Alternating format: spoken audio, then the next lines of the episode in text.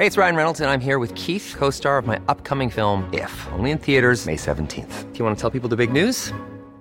All right, I'll do. Sign up now and you'll get unlimited for $15 a month in six months of Paramount Plus Essential Plan on us. Mintmobile.com slash switch. Upfront payment of $45 equivalent to $15 per month. Unlimited over 40 gigabytes per month. Face lower speeds. Videos at 480p. Active Mint customers by 531.24 get six months of Paramount Plus Essential Plan. Auto renews after six months. Offer ends May 31st, 2024. Separate Paramount Plus registration required. Terms and conditions apply if rated PG. I'm Sandra, and I'm just the professional your small business was looking for. But you didn't hire me because you didn't use LinkedIn jobs. LinkedIn has professionals you can't find anywhere else, including those who aren't actively looking for a new job but might be open to the perfect role, like me. In a given month, over 70% of LinkedIn users don't visit other leading job sites. So if you're not looking on LinkedIn, you'll miss out on great candidates like Sandra. Start hiring professionals like a professional. Post your free job on linkedin.com/people today. Hey Dave. Yeah, Randy. Since we founded Bombus, we've always said our socks, underwear, and t-shirts are super soft. Any new ideas? Maybe sublimely soft. Or disgustingly cozy? Wait, what? I got it. Bombus. Absurdly comfortable essentials for yourself And for those facing homelessness. because one purchased equals one donated. Wow, did we just write an ad? Yes. Bombas. Big comfort for everyone. Go to bombas.com slash ACAST and use code ACAST for 20% off your first purchase. Jeg har lagd en quiz til eh, dette eh, programmet her, eh, som du kan gå inn i 198 land-appen, og så kan du gå inn på quiz-kode, og så kan du skrive koden C1, og så kan du ta den quizen. Det er ti spørsmål. Klarer du å eh, besvare disse spørsmålene og på raskest mulig tid, så vinner du brettspillet Turnquists Quiz Race, som eh, er ute i butikkene nå. Koster vel en 500 kroner eller noe, så det er et om du har eh, rett og slett eh, skikkelig eh, mulighet til å få noe gratis der. Så gjør det.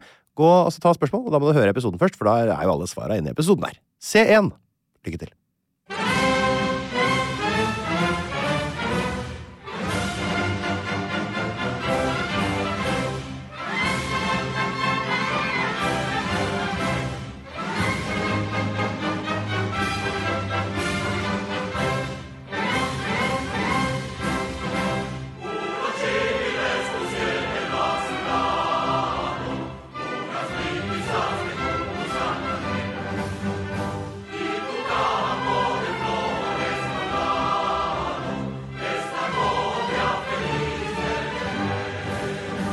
Hjertelig velkommen til 198 land, mine damer og herrer. Vi skal til Chile i dag. Et land som alle har hørt om, tipper jeg. Eh, antar de fleste kan plassere det på et kart òg.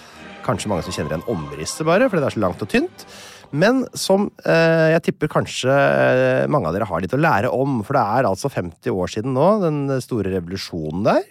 I år, i 2023. Og eh, det føles som at tida er liksom riktig for å sette seg ned og lære litt om dette lange, tynne koselige landet. Jeg slang på koselig der. Jeg håper at det er et koselig land. Det skal vi finne ut snart. Og til studio i dag så har jeg rett og slett tilkalt en statsviter, professor Benedicte Bull, som har forska på samfunnsutviklingen i Latin-Amerika. Velkommen hit. Tusen takk. Var det riktig det jeg sa? Ja. Eh, At jeg har forska på samfunnsutviklingen, det er bare noe som jeg har funnet på fordi jeg er så spredt i så mange retninger. Så må jeg, Ja. liksom, det kan jo bety egentlig alt i Hvordan si det i én setning, Ja. hva man driver med. Ja. Du, Fortell litt om deg sjøl, da. Ja, nei, altså jeg er da professor i statsvitenskap, jobber på Senter for utvikling og miljø. Det har jeg gjort veldig lenge, og jobba med Latin-Amerika. øh, Og vært opptatt av flere land i Latin-Amerika, men ikke minst Chile, som jeg har bodd i en kort periode, og har øh, eksfamilie der, for Ja, å si det sånn. Eksfamilie er barn trist ord. det er litt trist ord. Ja, det er ikke helt eksfamilie. Det er altså, ja, man blir jo ikke kvitt latinamerikanske familier. De er familien din. En fraskilt familie. Fra skilt familie, ja. Og jeg er veldig glad i Chile, da. Mm. Ja. Jo mer jeg har lest om det, jeg har jo på en måte forstått dette her. Men hva er det som fikk deg til å liksom interessere seg for, liksom, for Chile, da? Ja, altså Altså, det, Spørsmålet er egentlig hva som fikk meg til å interessere meg for Latin-Amerika. For det, Ja, det, Latin-Amerika kom før Chile. Det var det, ja. først Mellom-Amerika. Ja, og det handla jo ja, Det var bare masse tilfeldigheter, egentlig, som gjorde at jeg havna i Costa Rica. Jeg har alltid vært veldig glad i å reise, Ja, og veldig glad i strender. ja det har de jo der. ja, og Der har navnet. lærte meg egentlig etter hvert hvordan å få Forskningsrådet til å betale badeferiene mine. Men eh, jeg havna der fordi jeg var opptatt av miljø og sånn konflikter med turistutbygging og miljø, som egentlig kommer av at jeg jobba i avis og dekket sånn konflikter i Valle. Jeg er egentlig sørlending, da. Jobba i Fedrelandsvennen. Valle i. Setesdal? Nei. Setesdal. Ja. Der var det Snakker du konflikter. den dialekta, eller? Nei. Ja, jeg kan jo snakke sørlandsk, men ikke Valle. Jeg er fra Kristiansand. Ja, du er det, ja. ja. ja den, den skjønner jeg. Ja, og så fikk jeg mulighet til å studere det i Costa Rica, fordi Mm. jeg det var, fikk et stipend, og venninne til søsteren min som var gift med en costaricansk professor i statsvitenskap, og så balla det på seg. Sier- Så Så søstera di er gift med en costaricansk professor, og du er gift med en chilener? Snakker om? Ja, og det, vi er ikke de eneste, vet du. De, de fleste er skilt. det er litt trist å si. Jeg har en litt sånn sosiologisk teori om det. Ok, ja, den får vi komme senere. tilbake til. Ja. du, du, du fikk jo velge deg et uh, latinamerikansk land, du, eh, i dag. Da svarte du rett og slett Chile. Det var, jeg var egentlig en sånn, det var en liten passiar på Twitter eh, hvor eh, du egentlig ble hyra inn som El Salvador-gjest, og så Ja. spurte jeg deg hva du helst ville, og da ble det Chile. Da ble det Chile. Ja, Ja. Da gjør vi det sånn. Er, er det Chile du liker best, eller? Eh, jeg føler meg kanskje mest hjemme i Chile. Ja. Eh, litt fordi jeg har liksom bodd der, jeg kjenner mye folk. Og så er jo Chile Jeg vet ikke, Chile er litt sånn wannabe latino, sånn som vi er. ja det, er wannabe, det er ikke ekte latino? det er en blanding av mye rart. Altså, det er jo latinamerikansk, selvfølgelig, men det er jo så er mye engelsk og tysk innflytelse, og det er mye innflytelse fra mange steder. Og Ja. så mangfoldig og så komplisert og interessant og koselig og ikke koselig og alt mulig på samme tid. Ja, du verden. Ja, for jeg, jeg, når jeg har liksom kikka gjennom kartet der, så har jeg sett sånne steder som heter O'Higgins og sånn, sånn ish-aktige klingende navn. Sånn. Da skjønner jeg jo at det har vært litt, eh, litt forskjellige greier innom. Absolutt. Så vi Ja. får, vi får prate litt eh, om det. eh, men vi begynner, som uh, alltid gjør, med faktaboksen.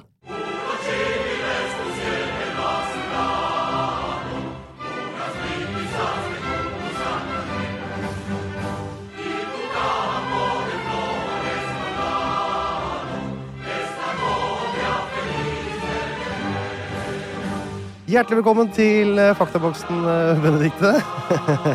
Jeg eh, pleier alltid å spørre om innbyggertall i det angjeldende landet først. Det er innbyggertallet i Chile. Har du snøring? Ja, de begynner vel å nærme seg 20 millioner. Ja, jeg Noe rundt cirka der. 20, jeg. Sånn- Cirka 20. Kanskje noen ja. hører på dette her om to år, så er det i hvert fall 20. ja, det velter inn med migranter for tida. Ja. Hvor er de Særlig fra? Venezuela.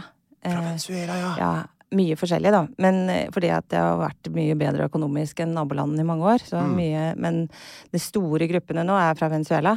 Men i dag kom en fantastisk nyhet om en avtale i Venezuela, så det kan det bli en stopp på. Så kanskje om vi snakker om et halvt år, så Ja. er det blitt 19,5 million. Sier du det? Altså, men hva? Altså, avtalen altså, at, Hva er det som har skjedd? At det blir bedre i Venezuela snart? Eller?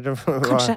Ja. Ja. ja, en avtale mellom regjering og opposisjon, og okay. en regjering, avtale med USA om sanksjonslettelse. Og da kan det være at ting kan bli litt bedre. Ok, så jeg må følge med litt på Venezuela ja, nå, Ja. Ja, det er litt Absolutt. spennende. Det er jo et land hvor jeg har hørt mye på en måte, det her, at ting har vært litt ute av kurs en stund. Uh, ok, så ca. 20 millioner nå.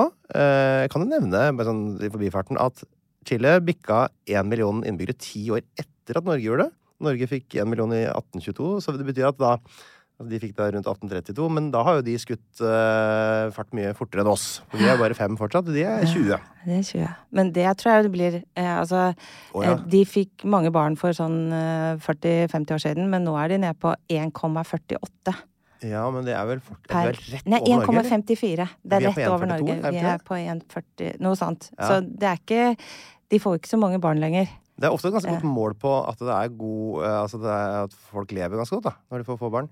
Ja, og ikke minst på at uh, kvinners utdanning og stilling i arbeidslivet og sånne ting. Det er jo Ja. det som driver ned uh, fødselstallene ofte. Det er rett og slett det. Uh, men du har fått barn. Gratulerer så Jeg har trukket snitt i Norge opp. Hovedstaden i Chile den har jo et navn, og det kan du kanskje prøve å gjette deg fram til. Santiago. Santiago de Chile. Mm. Er det en ålreit by, eller? Ja, altså både ja og nei. Uh. Det er ikke liksom den best eh, den kuleste storbyen i Latin-Amerika, men den har absolutt områder som er veldig fine. Det har Ja. veldig sånn moderne uh, områder med skyskrapere og business og sånn litt sånn amerikansk stil. Uh, og så har det områder med litt eldre hus som er liksom litt mer sånn koselig og kafeer og litt, litt ja. Og så har de jo store områder som er litt sånn tristere, litt sånn fattige områder. Så eh, Santiago har egentlig veldig mye. Dessverre så Sentrum av Santiago eh, var finere for fem år siden. For okay. det, det ble kraftig ramponert under voldsomme demonstrasjoner i 2019. Ja. Og det har ikke helt kommet seg etter det. Så ble enda. det såpass er ramponert sånn- at sentrum er liksom litt ødelagt? Ja, altså, så kraftige demonstrasjoner fikk ikke jeg med meg at det var. Jo, Bomber og granater, dette her. Ja, oh, ja. og brenning av T-banestasjoner og hus og masse tagging og ramponering av butikker og, og selvfølgelig er det jo noe av det er reparert, men ikke helt. Det er litt sånn tristere stemning i sentrum av Santi akkurat i ja. sentrum-sentrum Ja. enn en det det har vært før. Mm. Men Santiago har sin sjarm, og en del områder har man begynt å liksom prøve å bryte opp trafikken med sykkelstier og parker og forskjellige ting som Ja. gjør det litt mer sånn litt koseligere. Sykkelstier og parker jeg føler jeg kommer sånn, det er sånn seint eh, i utviklingen. Da har du liksom kommet langt hvis du begynner med det. Da har du sykehus og sånn i orden. Ja. Det er, en svær innlandsby, er det sånn å forstå? Ja. Det, Det ligger liksom eh, ved foten av fjellene. Ja. Det gjør jo at eh, også eh, lufta kan bli litt tung der av og til. Det er liksom en sånn masse biler og en sånn gryte Å ja. eh, ned i fjellene. Okay. Så de har slitt i mange år med ikke smog, men esmog. Esmog, ja. Esmog. Eh, nå er det blitt, de har klart å regulere det litt, da, så det er Mm. blitt litt bedre. Men det er litt, eh, en litt sånn heftig plassering for en såpass stor by. Nettopp så er det en Ulan Bator minus for de som har hørt Mongolia-episoden. Eh, Men det er litt sånn middelhavsklima, leste jeg? Middelhavsklima av alle ting. Ja. Ja, eh, ja det det kan man også kalle det. Ja. Eh, altså, kan også si knallvarmt om sommeren. Kaldt og gufsent om vinteren. Mm. Går i, Eh, men eh, eh, litt lenger nord, for eksempel, så ville jeg sagt det er mer litt sånn mildere middelhavsklima, men ikke så store variasjoner i temperatur. Mm. Men eh, det er jo litt sånn, ja, type Madrid, Ja, å, ja, egentlig. såpass. Ja, men det er jo nesten Middelhavet, det. Ja. Ja. Mm. Men det er jo ikke altså det er jo, Selvfølgelig, jeg regner med at det er store forskjeller i et land som Chile, som er så langt og tynt, eh, at det må jo være stor forskjell på nord og sør i klima. Voldsomme forskjeller. Ja, ja. Så, så dette her gjelder liksom midt, eh, Midt-Chile. Ja. Og så kommer du litt uh, lenger i sør. Altså Ja. ikke helt ned i tuppen, men litt lenger sør. ja, og det er ikke Sørland. Ikke noe mildt Sørland der. Puntas. Arenas, Punta Williams, eller hva heter det der nede. Men og liksom litt, Ja, eh, Punta Arenas og sånn, da Ja. Snakker du mer Vestlandet. Å ja? Uh, ja. Oh, ja, okay. uh, året rundt. Okay. eh, Vestlandet sånn- året rundt, og den er tung. liker skikkelig godt vestlandssommer, så Ja, kan jeg anbefale ja. Ja, for eksempel. Ja, altså, det er sommeren der. Sånn Ja. 13 grader og Ja. Island. Ja. og så har du um, Altså, helt i sør er det jo arktisk. Ja, det heter vel en Ja, ark... det er jo heter antarktisk ja. eh, fylke, liksom? Da? Jo. Uh, ja. Og så helt i nord er det jo kjempevarmt. Der er jo ørken. Eh, Ja. Og så har du liksom midt-nord, som blir eh, mer Hva skal vi sammenligne det med, da? Det, altså, det er masse forskjellig. Og så er det masse mikroklima. Ja. Fordi kysten, Mm. der kan det være helt annerledes. Så kjører en halvtime inn i landet, så er det helt annet klima. Ja. Det er masse mikroklima. Halvtime inn i landet, altså fra kysten? Ja, altså der hvor jeg har bodd, Det er jo ikke som det er er mulig å kjøre mer enn Vinja en halvtime. nei, nei, hvis du kjører skikkelig fort, så er Ja. du rett i Argentina. Der og der, ja. Ha. Det er altså Men altså, midtlandet Det er noe som heter Valparaiso, ikke sant? Som er, Mm. sånn, eh, er det deres Bergen, liksom? Da, kanskje? Litt Ja, sånn det kan vi jo si. trehus oppover i lien og Ja. Ja. eh, nest største byen. Vel ikke akkurat eh, Vi får gi det til bergenserne at de har vært litt flinkere til å ta vare på byen sin enn Valparaiso. Så det skrangla litt mer i Valparaiso? Det har skrangla ganske mye. Ja. Ja. Det har jo sin sjarm. Mm. Eh, og det er jo nå sånn derre altså verdens kulturarvsted og sånn. Og Mm. etter at de ble det, Akkurat så som Bergen. Ja, ikke sant? Det har de til felles. Men, så, men Valparaiso har en tvilling. De har ikke Bergen. Å, Og det er helt klart toegga. Vinja og Valparaiso er sånn tvillingbyer. Okay. Og Vinja er liksom pene og pyntelige med strender og sånn. Ja. Og Paraiso er rølpegutten. rai, rai. Ja. Ja, det er ganske slitent der, altså. Mm. Eh, så ble det litt bedre, og så ble det litt verre igjen etter disse herjingene i 2019. Mm. Liksom akkurat sentrum av Valparaiso er også litt sånn nedtagga og litt ja. grått og litt slitent. Men så kommer du litt opp i heiene, og så har det fine, gamle trehus. De snakker jo også om sammenlignet med San Francisco, med liksom veldig mye bakker og ja. nettopp. Så ligger det Ja, men det er i hvert fall veldig pent på bilder når du ser det fra litt avstand. ja, Kanskje bildet er fra før 2019 også, si. det er det. Så kan du nevne, Vi var jo ikke innom det, men eh, du sa at det var mye høye bygninger i sentrum av Santiago. og Jeg kan nevne at Gran Torre Santiago det er den høyeste bygningen i hele Sør-Amerika. 300 meter høy. Har du vært oppe på toppen der og kikka? Nei. Nei. To og en halv gang så høy som Oslo Plaza. Tenk på det. Oh, Wow. ja. Jeg har høydeskrekk. Så Har du høydeskrekk, du? Ja, skikkelig Ja. høydeskrekk. Nei, da må du holde deg langt unna den byen. Ja. Eller i hvert fall det, det huset. Eh, valuta i Chile. Eh, Valuta er jo pesoen som Det er det. de Chilenske pesos. Ja. Hvor mye får du for en chilensk peso i dag, tror du? Du Det er ikke rare greiene. 1,2 øre, så jeg nå sist.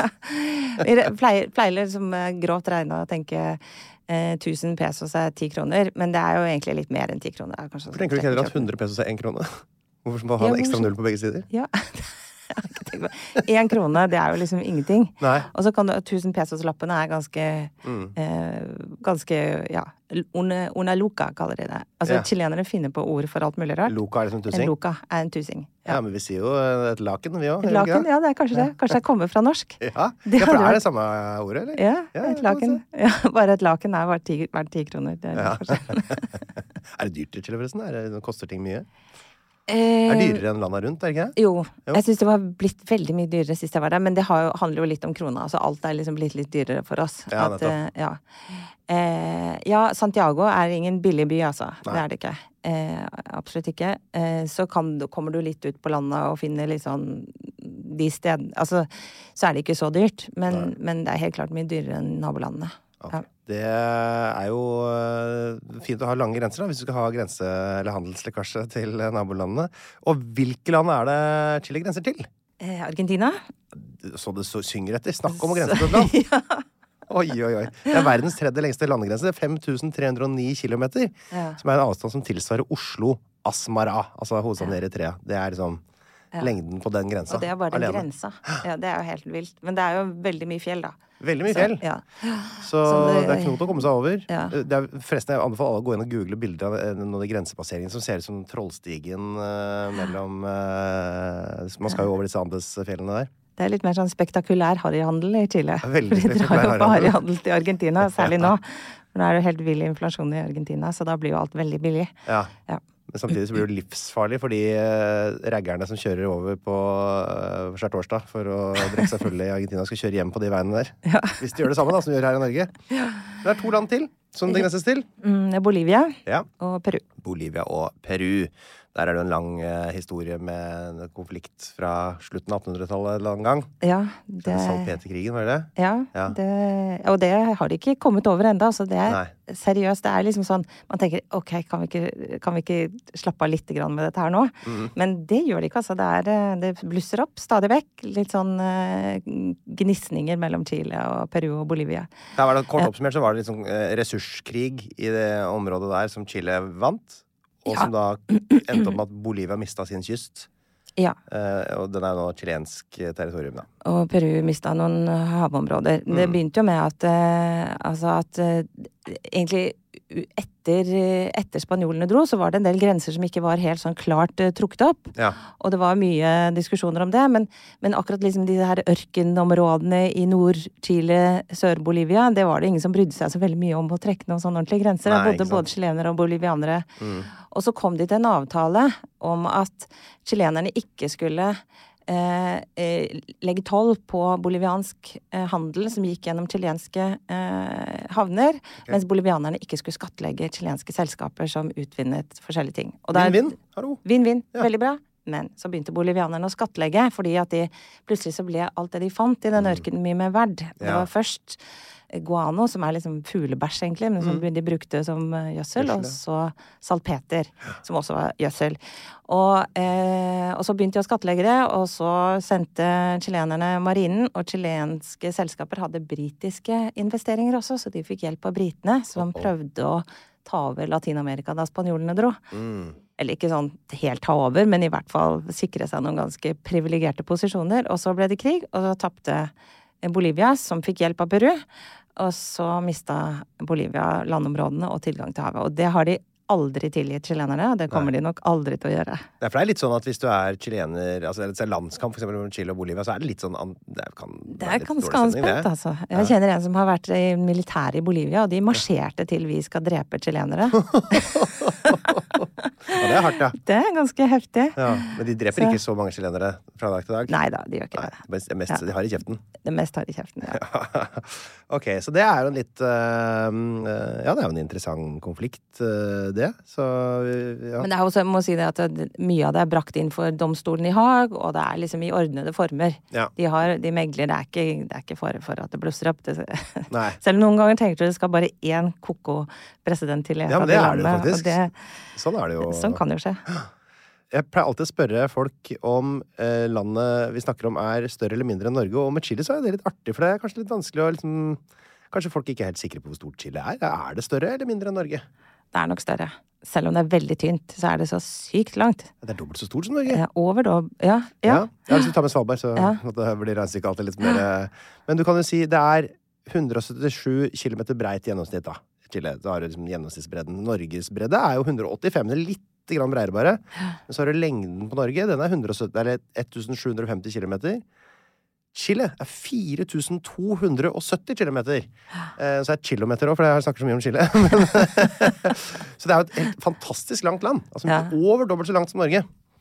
Så jeg vet ikke Det må jo Ja. Det må Jeg har vært på en sånn biltur en gang, eh, til sør. Vi skulle liksom kjøre fra, fra Santiago helt sør i Chile. Ja, Og følte vi har hadde kjørt og kjørt og kjørt og kjørt. Men vi kom jo ikke mer enn en halvveis ned. Og da hadde vi jo kjørt i dagevis.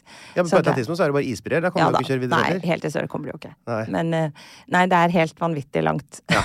Herregud. og veldig tynt. HDI er jo noe vi snakker om her hver episode, altså Human Development Index, som sier noe om hvor heldig er du som ble født i dette landet. Eh, førsteplass Sveits, andreplass Norge, sisteplass eh, ligger sånn 191. Det tror jeg fortsatt er Sør-Sudan.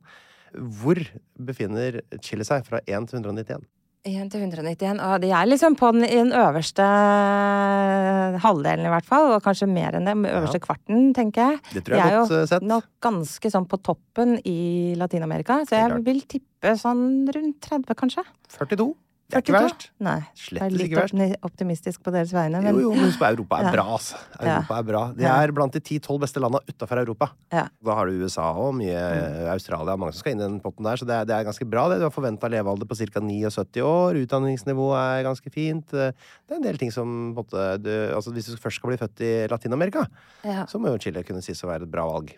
Men det er interessant, fordi eh, spør du chilenerne, så, så, så tror jeg ikke de er helt enig i det. Mm. Men gjør ikke det? Nei, det er, det er mye misnøye, altså. Ja. Og det, det kan vi jo komme tilbake til. Det handler jo liksom om store for, med, om, Det er veldig store forskjeller. Ja. Og så, ja, nei, det de, de vil jo sikkert være skeptiske til de tallene der, tror jeg. de Ja, men det er jo et snittall, dette her. Men altså, akkurat den HDI den sier jo noe om måte folk flest, da. Ja. For den har jo med utdanningsnivå og forventa levealder og sånn. Det er jo ikke noen som blir 500 år gamle, som trekker opp uh, så mye penger, på en måte. Så noe har de jo her. Absolutt. Men det er klart når du skal se på hva de tjener i snitt og sånn, så blir det vanskeligere. For da må du på en måte regne ut Da er det plutselig noen som tjener mange milliarder, som ødelegger hele statistikken. Men altså, det er ikke noen tvil om at, eh, at eh, fattigdommen har gått dramatisk ned i Chile de siste 30 årene. Det er noe helt annet enn mange andre land i Latin-Amerika. Ikke minst nabolandet Bolivia, som Bolivia er er et av jo de fattigste landet. Mm. Så det er store kontraster. Mm. Religion, er det noe de bruker der nede? Du som har vært gift inn i landet. Absolutt. Altså, det er jo historisk sett et uh, tungt katolsk land. Ja. Men uh, det vil jeg si at det er det, er det ikke helt lenger. Nei, det er ikke det. Nei, det er jo både veldig mange som er det vi, vi kaller evangelikos, som er altså Det er litt sånn karismatiske protestanter av ulike varianter. Ja. Eh, litt pinsevenner og litt forskjellige sånne ting. Og så det som er kanskje mest markant, er sekularisering. Altså at Ja. flere og flere ikke er så veldig religiøse. Typisk for land i økonomisk vekst. Det er jo det. Mm. Ja.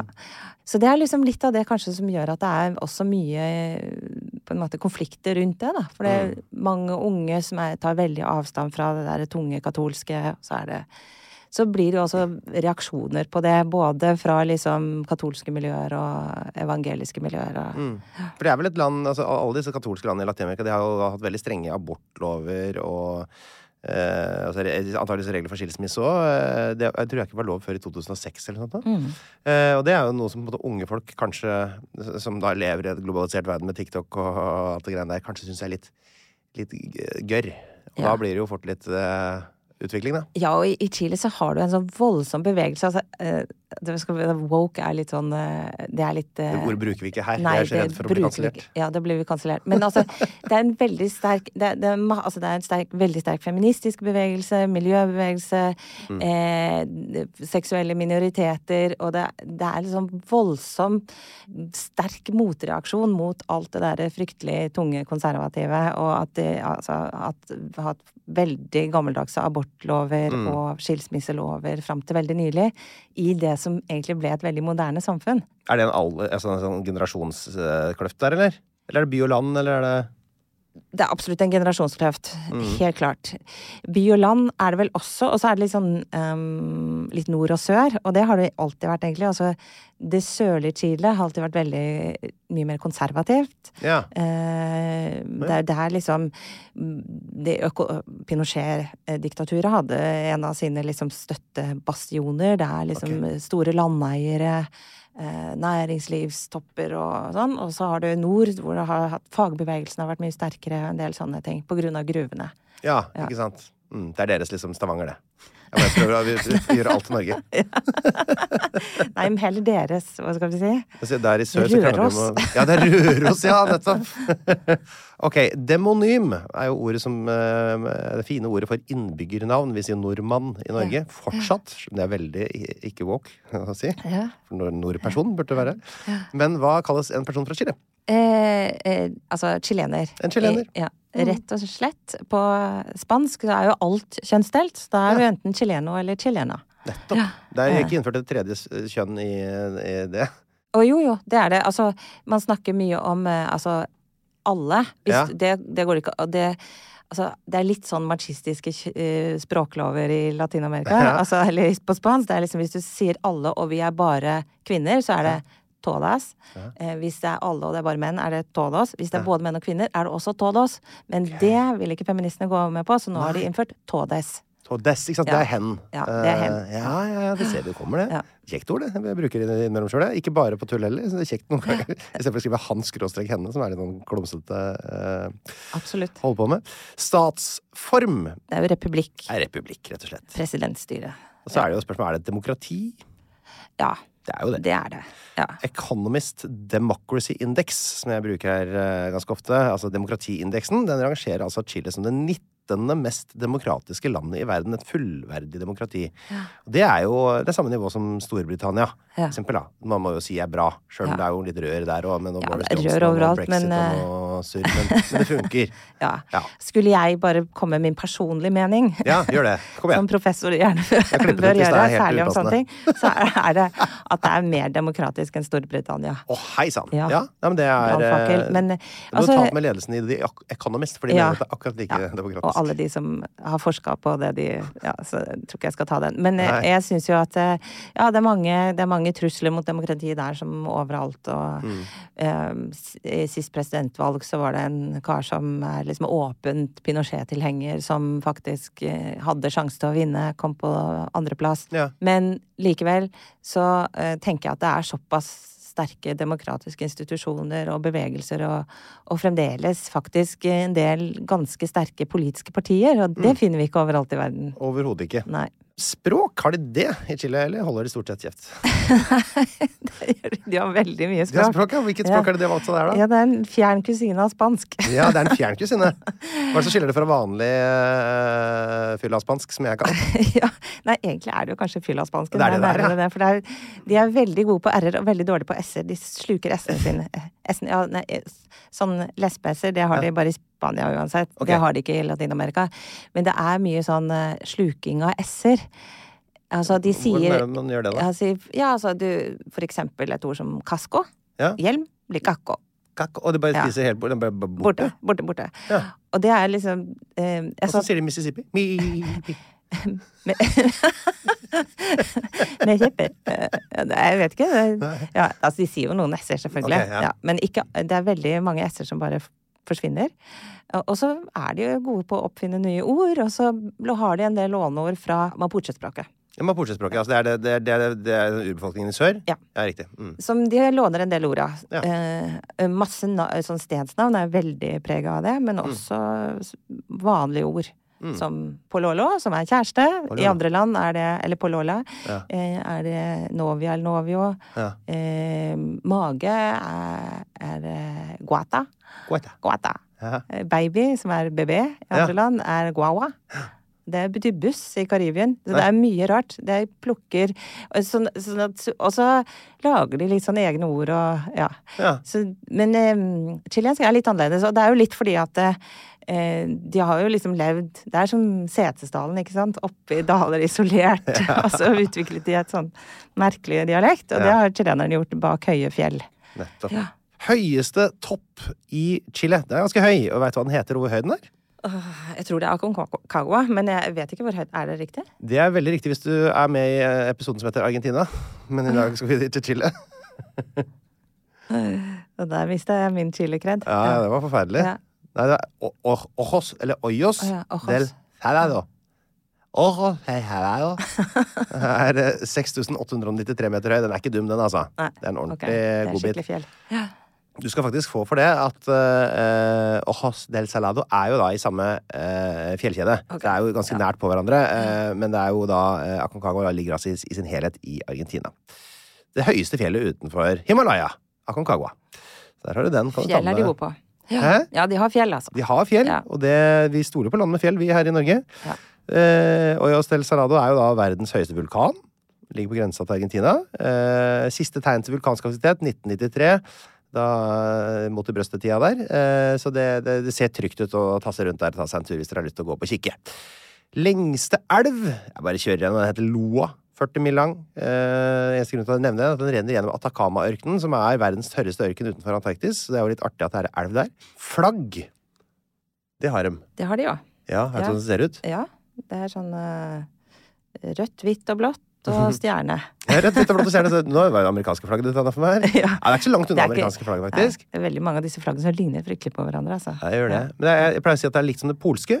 At det er hvitt øverst og rødt nederst, og så er det i det ene hjørnet så er det et blått kvadrat med ei stjerne i. Ja. Rett og slett. Så det er jo sånn det funker. Antall chilenere i Norge er siste spørsmål i faktaboksen, som jeg har valgt å ta med akkurat i dag. Ja, nei, det er vel eh, Hva skal vi gjette? eh, det, altså, det tenker jeg kan bli, er, være litt vanskelig å telle. Complicado.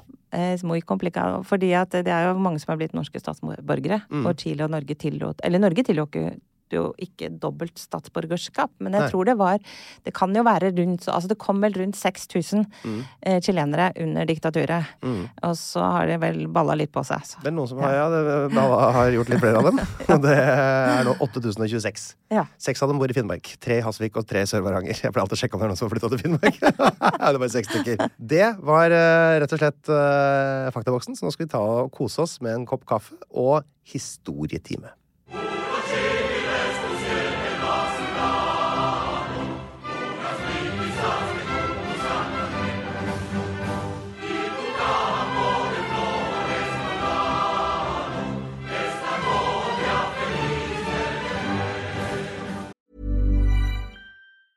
Hey, it's Ryan Reynolds, and I'm here with Keith, co star of my upcoming film, If, only in theaters, May 17th. Do you want to tell people the big news? All right, I'll do. it. Sign up now and you'll get unlimited for $15 a month and six months of Paramount Plus Essential Plan on us. Mintmobile.com slash switch. Upfront payment of $45 equivalent to $15 per month. Unlimited over 40 gigabytes per month. Face lower speeds. Videos at 480p. Active Mint customers by 531.24 get six months of Paramount Plus Essential Plan. Auto renews after six months. Offer ends May 31st, 2024. Separate Paramount Plus registration required. Terms and conditions apply if rated PG. Since 2013, Bombas has donated over 100 million socks, underwear, and t shirts to those facing homelessness. If we counted those on air, this ad would last over 1,157 days. But if we counted the time it takes to make a donation possible, it would take just a few clicks. Because every time you make a purchase, Bombas donates an item to someone who needs it. Go to bombas.com slash ACAST and use code ACAST for 20% off your first purchase. That's bombas.com slash ACAST, code ACAST. Hiring for your small business? If you're not looking for professionals on LinkedIn, you're looking in the wrong place. That's like looking for your car keys in a fish tank. LinkedIn helps you hire professionals you can't find anywhere else, even those who aren't actively searching for a new job but might be open to the perfect role. In a given month, over 70% of LinkedIn users don't even visit other leading job sites. So start looking in the right place. With LinkedIn, you can hire professionals like a professional. Post your free job on linkedin.com/people slash people today.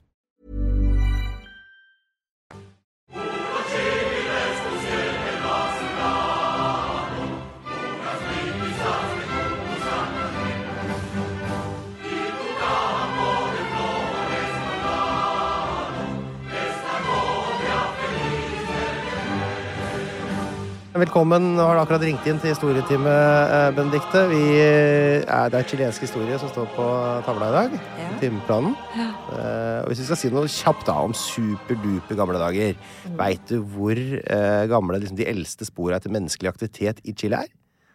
Ja, nå har jeg sj- sjekka Du har sjekka? Da tenk hvis du svarer feil allikevel, da. at de er faktisk sånn 15 000 år gamle. Samme som jeg har funnet. Ja. Eh, og det er jo Jeg vet ikke sånn altfor mye om akkurat det der, det er ikke så spennende, men den eldste kulturen vi kjenner til, er jo det som heter chinchorro-kulturen. Ja.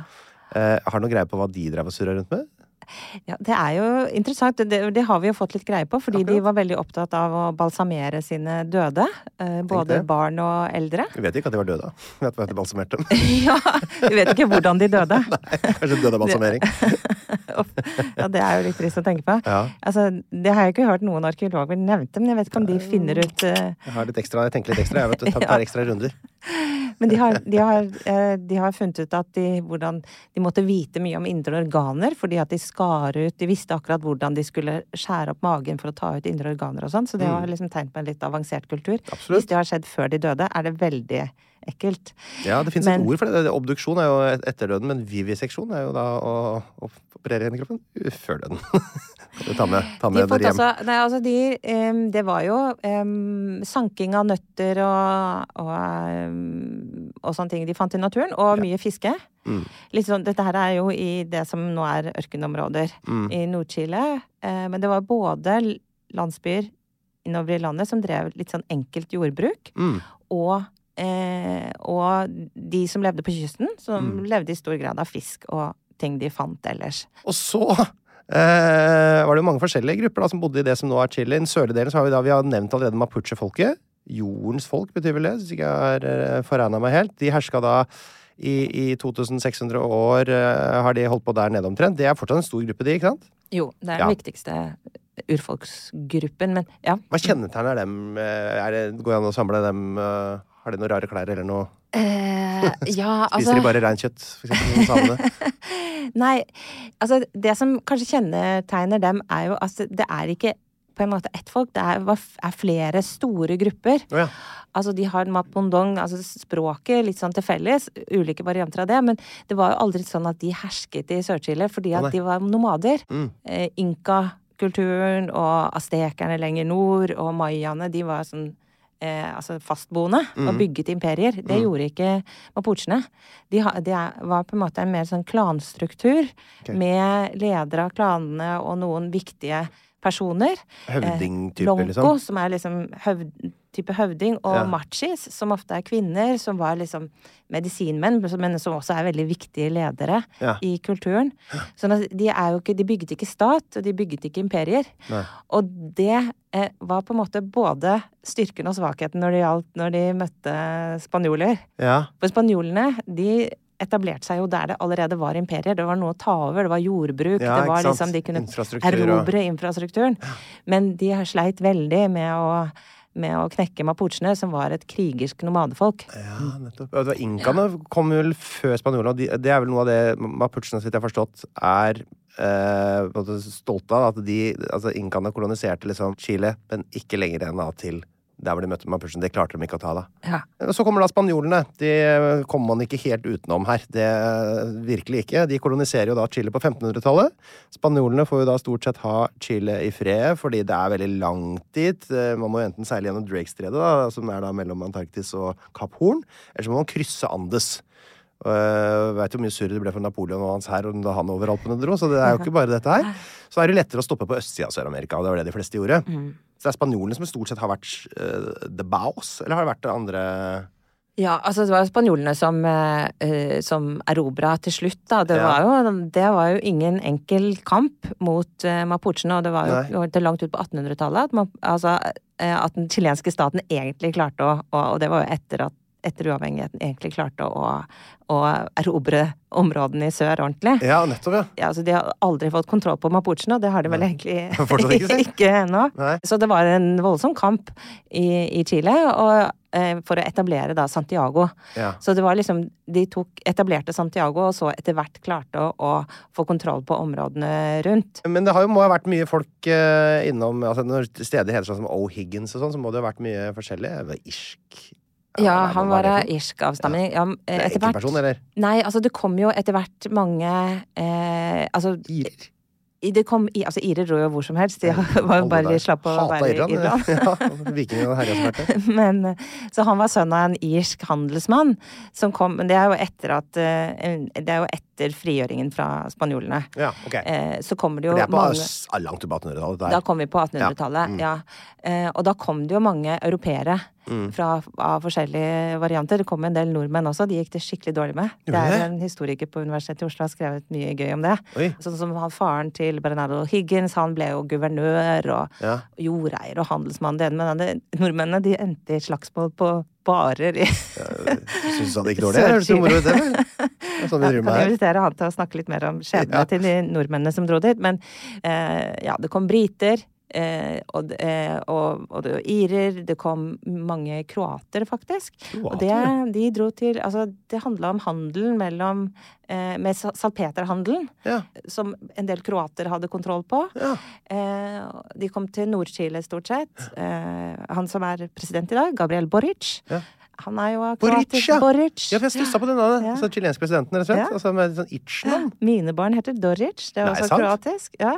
Og så kom masse tyskere. Ja. De eh, Det var jo stort sett Altså, de, det kom jo en del sånn litt iffy eh, Litt shady figurer i forbindelse med verdenskrigene. Men Ja, altså, det var litt senere. Det Ja. Først så var det fattige bønder Ja. som ble på en måte importert til å befolke Sør-Chile. Mm. Det, det er mange forskjellige. Men jeg tenker de gruppene er kanskje de største. Etter Mm. hvert kommer det også en del palestinere.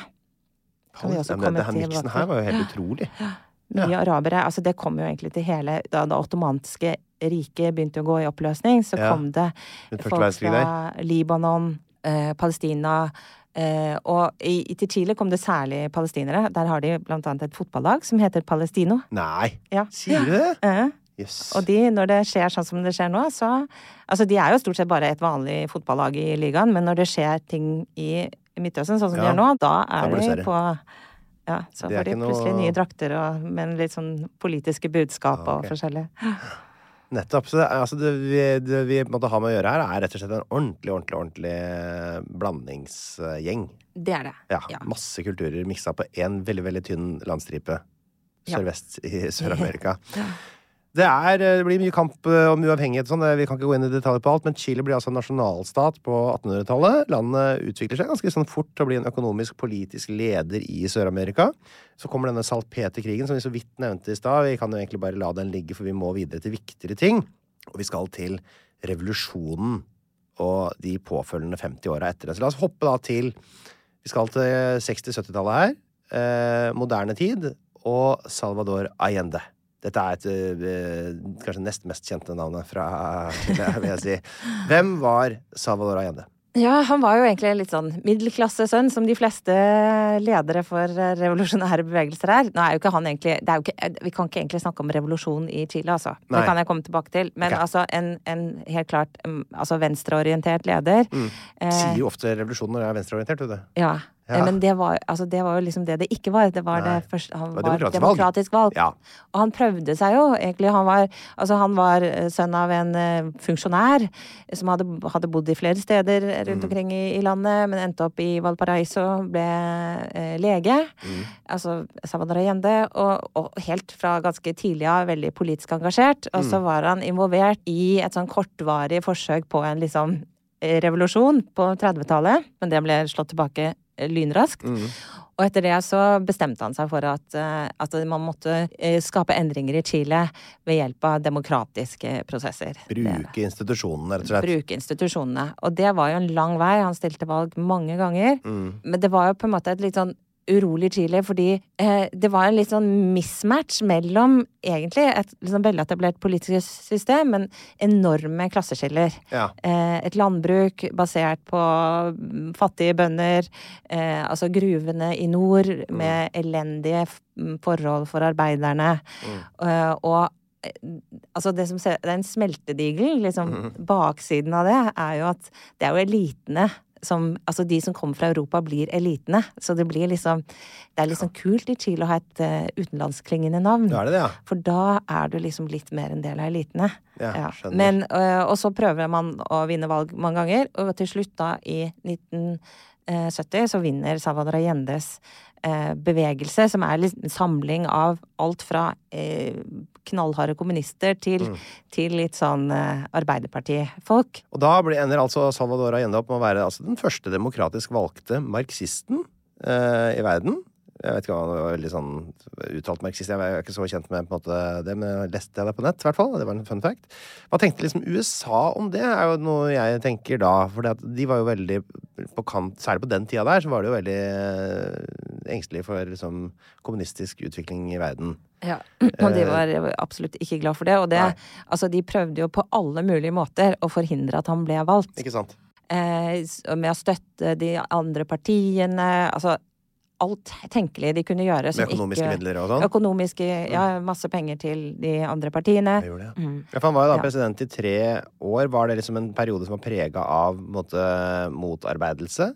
Ja. Litt uflaks? Litt surr? Eh, altså både det, På en måte altså en del, mange reformer som ble innført, og en del som, som var omstridt innenfor hans koalisjon. Som var liksom altså alt fra kommunistene til Arbeiderpartiet. Arbeiderpartiet. En bred koalisjon, som vi Ganske sier. bred koalisjon.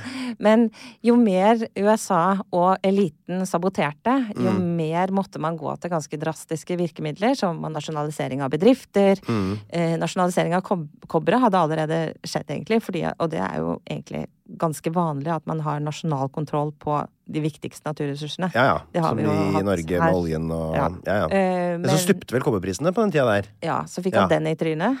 Og så begynte jo næringslivet å sabotere. Ja. Uh, og altså, i Kongressen så ble alle lover sabotert. Mm. Og han var jo ikke noen diktator, han var en demokratisk valgt president. Og ute i gata så holdt man tilbake transport. Og saboterte varelevering og mange andre ting. Så det var en veldig urolig periode. Og det kom jo da en dag, eh, intet mindre enn 11. september 1973, hvor eh, Salvador Endes eh, styre abrupt tar slutt. Og hva er det som skjer? Kan det begynne med det første som skjer, som er at marinen Og det er alltid gøy når det er president, når marinen du måte er sjef over, plutselig okkuperer Valparaiso. Hva har skjedd? der. Ja, det begynte med at marinen eh, ta, okkuperer Valparaiso. Valparaiso har jo alltid vært en bastion for, eh, for marinen. Og de klarer å, å innta den byen. Stenger radiostasjoner. Eh, Salvador Allende blir gitt tidlig på morgenen et ultimatum. Kom deg ut av landet. Vi skal overta landet. Det gjorde han ikke. Da dro han til presidentpalasset. Holdt en veldig kjent tale. Den ligger på YouTube for de som har lyst til å høre den. Ja. Mm. Så eh, er det jo da fremdeles litt diskusjon om at hva han gjorde videre, men han, eh, han eh, hilste på alle, eh, hele sin stab, inne i presidentpalasset, tok avskjed, og så ble han funnet død på sitt kontor. Mm. Offisielle historien er at han skjøt seg. Det ble, Han ble eh, gravd opp og obdusert på nytt eh, i 2010, og da Litt seint. ja, litt si. seint. Og Fordi at noen mente at han ikke hadde skutt seg, men at han var Ja. blitt skutt, da. Ok. Ja. Eh, Ja, og så er det fremdeles altså, Da konkluderte det med at han hadde skutt seg. Ja. Uansett. Mm. Jeg tenker det, det, er ikke, det er ikke egentlig så viktig. Det var er vel under visst press uansett. ja, altså Det er jo ingen som har påstått at han var feig, liksom.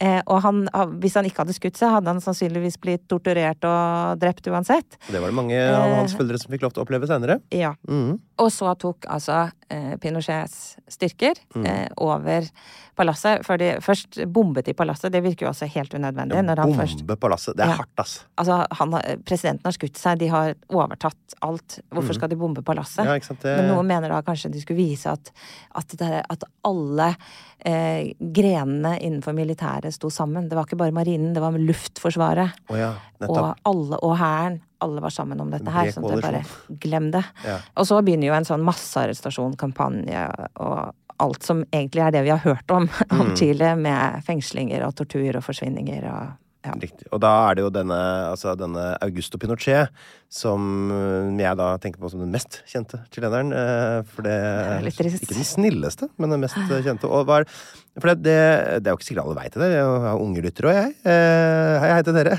De ikke alle de som har fått med seg alt dette her. Eh, Fordi her tas jo da eh, Chiles Ullevål stadion. Eh, Estadio Nacional blir jo da tatt i bruk her. Hva er, hva er, hvordan er det dette her eh, Det blir et, et enormt fengsel, er det sånn? Ja, altså de, de, de arresterer folk på gata, går hjem til folk, Mm. drar folk ut av husene sine og eh, stapper de inn på Estadio Nacional. Mm. Og der har de altså torturkamre i kjelleren, og det blir Eller i, ja, i garderobene, nærmest. Ja, ja. Vært der og sett hvor de holdt på. Mm. Det er vel 3000 omtrent som blir stappa inn der. Mm. Eh, og nå husker jeg ikke farta hvor mange som blir drept i løpet av de første ukene, men eh, det er altså eh, av de rundt 3000 som er bekreftet drept av regimet, så er det 50% som blir drept i løpet av den første måneden omtrent. Mm. Og da inne på der, ikke sant? Stort sett. Mange. Men det, men det er jo ikke bare i Santiago dette her skjer, altså. Nei, Så det det er er jo også det men, uh... det, er, det er det viktigste, og det som er blitt mest kjent, også Mm. fordi de også da eh, tar eh, en av nasjonalpoetene, Victor Mm. Jara, eh, kutter av ham eh, armer. Han spiller jo gitar, Mm. og eh, han blir torturert på det aller mest bestialske og drept. Ja. Så det er jo eh, det som har fått den mest sånn symbolske betydningen. Men det er klart at folk ble arrestert over hele landet. Mm. Ja. Så det er jo en, en, en spennende del av historien, eh, og helt klart Jeg håper å si høydepunkt, det er det ikke, men dybdepunkt. eh, det- mest liksom sånn største hakket i den eh, chilenske tidslinja. Men ok, eh, Pinochet tar jo over, da. eh, Og leder landet nå i lange tider. Og dette er hva slags liksom det det er jo diktatur, selvfølgelig, nå. eh, Brutalt sådan. Eh, Hvordan ble liksom Pinochets regime møtt i resten av verden? USA støtta jo Pinochet til å begynne med, Mm. eh, og støtten fortsetter jo egentlig fra USA helt til Jimmy Carter ble valgt Mm. i 1977. Eh, resten av eh, verden vender seg jo etter hvert mot eh, Pinochet, Mm. eh, og bryter diplomatiske forbindelser, bryter handelsforbindelser. Unntaket her, det store unntaket, er Kina. Ja. Kineserne de fortsatte å handle med Pinochet og holde diplomatiske forbindelser og Ok. motta han som en eh, ja, statsleder. Der har Og du det en gjeng. er Der har du en gjeng! Men i hvert fall, altså, det ble jo boikott eh, av, eh, av chilenske varer. Eh, Mm. de som eh, var aktive politiske på den tida. Jeg gikk på barneskolen, Mm. men eh, husker knusing av eh, chilenske vinflasker. Mm. Og eh, at dette her Så, så det, det var stor motstand internasjonalt. Ja. Ikke minst fordi at det var så mange mm, som måtte flykte fra landet Mm. og som kunne berette historiene. Og her i Norge så kom det jo også en del Det var jo mange politiske, som var politisk aktive, Mm. og som ble en del av den av venstresida Mm. i stor grad, både i Norge og mange andre land. Så de Mm. kom jo på en måte i posisjoner til å fortelle historien sin. Ja. Kom hit vi uten negler på henda, og med noe fæle ting å fortelle, og ikke noe mindre svake meninger, Nei. rett og slett. Jeg leste at, eh, at, at eh, USA støtta eh, Chile fram til eh, Altså den tidligere ambassadøren til USA, Orlando Letelier, da ble Mm. skutt på åpen gate i Washington DC av chilenske agenter. Mm. Som jo er en ganske heftig ting å gjøre på fremmed jord. Ja. Ja. Så det er klart at da begynte vel Det var vel eh, Så det var bare Kina som stolte på Tenkte at dette var noe å samarbeide med. ja. Og, og hvordan, eh, hvordan mister da for, hvor, er det, hvor lenge er det han sitter? Det er et 80-tallet Han sitter fram til eh, 1990. Det ble en 1990, ja. folkeavstemning i 1988. Ja, Han ble presset til å eh, Og det var litt, litt sånn feilkalkulering fra hans side, tror jeg. ok. eh, Til å godta en folkeavstemning om han skulle få fortsette å sitte, eller Ja. om han skulle ha utlyse demokratiske valg. Okay. Han ble jo da stemt ut, og Mhm. så var det nyvalg. Og det aksepterte han! Det gjorde han. Ja. Meg. Den Da- demokraten, han, da. Ja, han var ikke akkurat det, men det skjer jo mye rundt deg. Det faller muren, ikke sant. Det er masse som skjer, og det er lite støtte å hente for en gammel militær eh, Ja. i Chile. Mm. Og så blir nyvalg i 1989, og så inntar eh, den nye regjeringen posisjonen i 1990.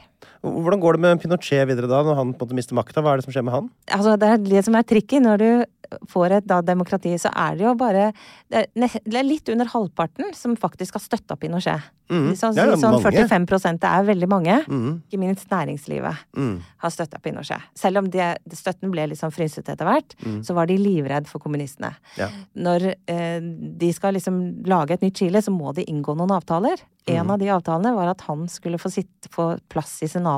Å ja. Og pluss eh, seks andre eh, senatorer på livstid fra militæret. Altså, gjorde det, altså? Ja. Okay. Etter hvert så Altså, de sitter fram til det her livstidsgreiene. Det er fram til 2006, så blir det opphevet. Og han er jo ute av Senatet før det.